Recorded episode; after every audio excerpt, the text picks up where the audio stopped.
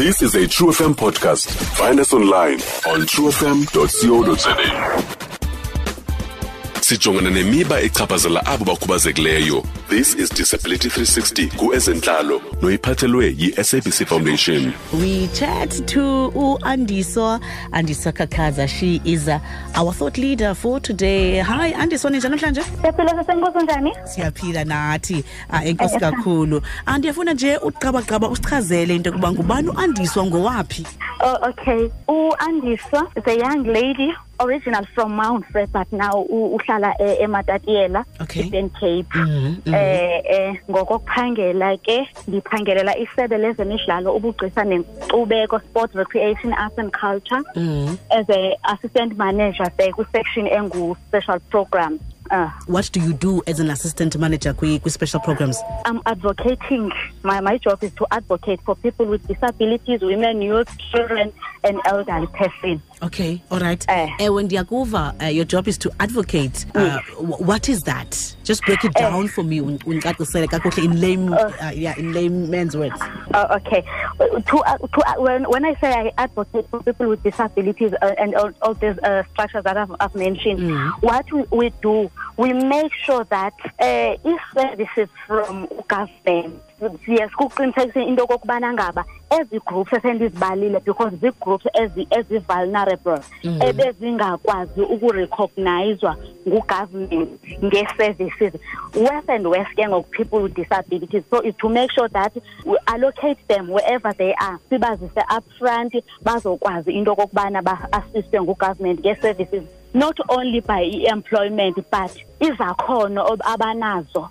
Uba izakhono abanazo bakwazi into yobana ngaba baze nazo ngaphambile ba more especially kule yam ke-department because it's arts and culture umsebenzi wezandla babonise nezakhono zabo in terms of music and, and, and others. Nesport ngokunjalo. Yes. Mm. Eh. Isuka phi i-passion yakho of just wanting to contribute nawe? Noma kukancinci kangakanani na? Especially in this field. I think a passion it came from as a person with a disability as well because I'm a person with a disability.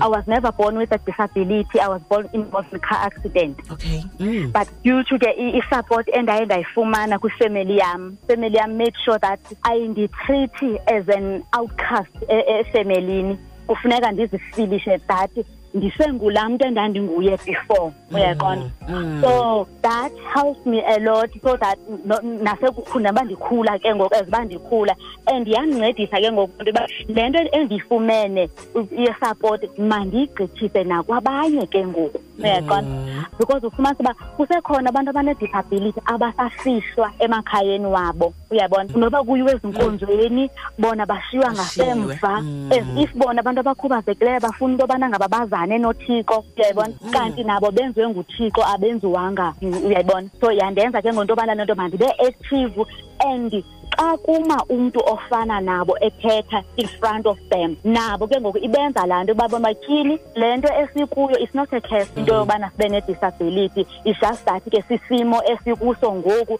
esisenza into okokubana but mayingasilimiti masimuve sibonakale emphakathini sizi-involve kwizinto ze-community sibe ngabantu nathi sisile Mm, ndiyakuva. And ndiyaqiniseka into yokuba iba khona imicelimingeni uh, othi ke Kakhulu. ujongene nayo endleleni you know somebody who's living with uh, a disability and also who's, who's trying to help abanye you know. One two nje khasikrobise kancinci. i- i-challenge is that okokuqala nje abantu xa bekube your physical appearance bavele bakujonge bangakuthembi uyabona? Noba uzama ukukubona nje uyabona? Babona ingathi khona into ebhadlile engenziwa ngulo mntu but then xa sele usenza it's when berealize batyhini hayi ngumntu lo okanye ngabantu aba nabo bayafuna into okokubana sisibamamele and um ndizawuthetha ke ngoku into I, i think but ke into ecommon eyenzekayo more especially to us as i- i-females. If uke wabona u- uhamba nomfana i- iba yijowukhu laa nto uba hayibo lo mfana akanangqondo. Ukabona? As if thina kufanelekanga into okokubana si-